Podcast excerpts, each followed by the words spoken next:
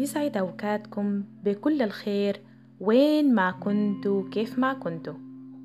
بلتقيكم في بودكاست يوميات زوجة وحلقة خاصة لحملة الستاشر يوم لمواجهة العنف ضد المرأة. أصواتنا قوتنا هو شعارنا للسنة دي. وأصواتنا حتبقى قوتنا لما كل واحدة فينا تعرف حقوقها وتدافع عنها. أصواتنا قوتنا لما كل واحدة تحس بتهميش ومعاناة أختها. أصواتنا قوتنا لما كل واحدة تقول لأ للعنف اللي بتواجهه رفيقتها.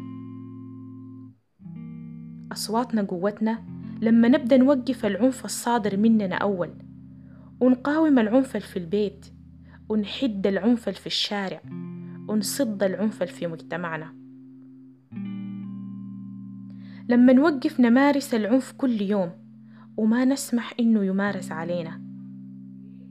نحن كنساء بنعنف أنفسنا وبنعنف بعضنا البعض بالصفات والنعوت السلبية. لما تقولي ما عايزة ألبس اللون ده ده لون رجالي. أو لما تطلعي ولدك من رابع ابتدائي وتقولي ليه أمشي اشتغل أنت راجل البيت. لما أمك توزع لأخوك نصيب أكبر من الطعام.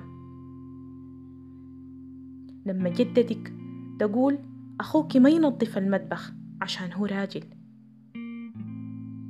لما أبوك يقول عن أمك سيبوكم منا دي أصلا ما عندها راي.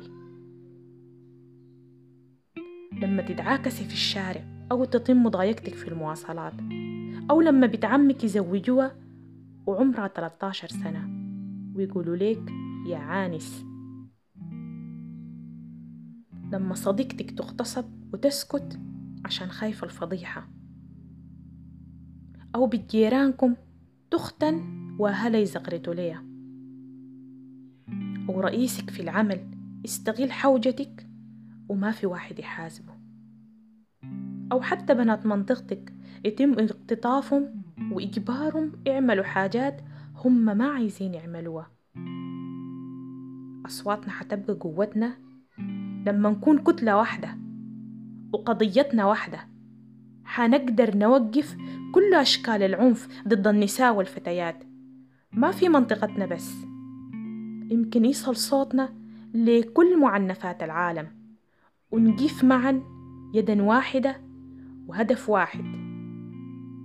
لا للعنف ضد النساء والفتيات.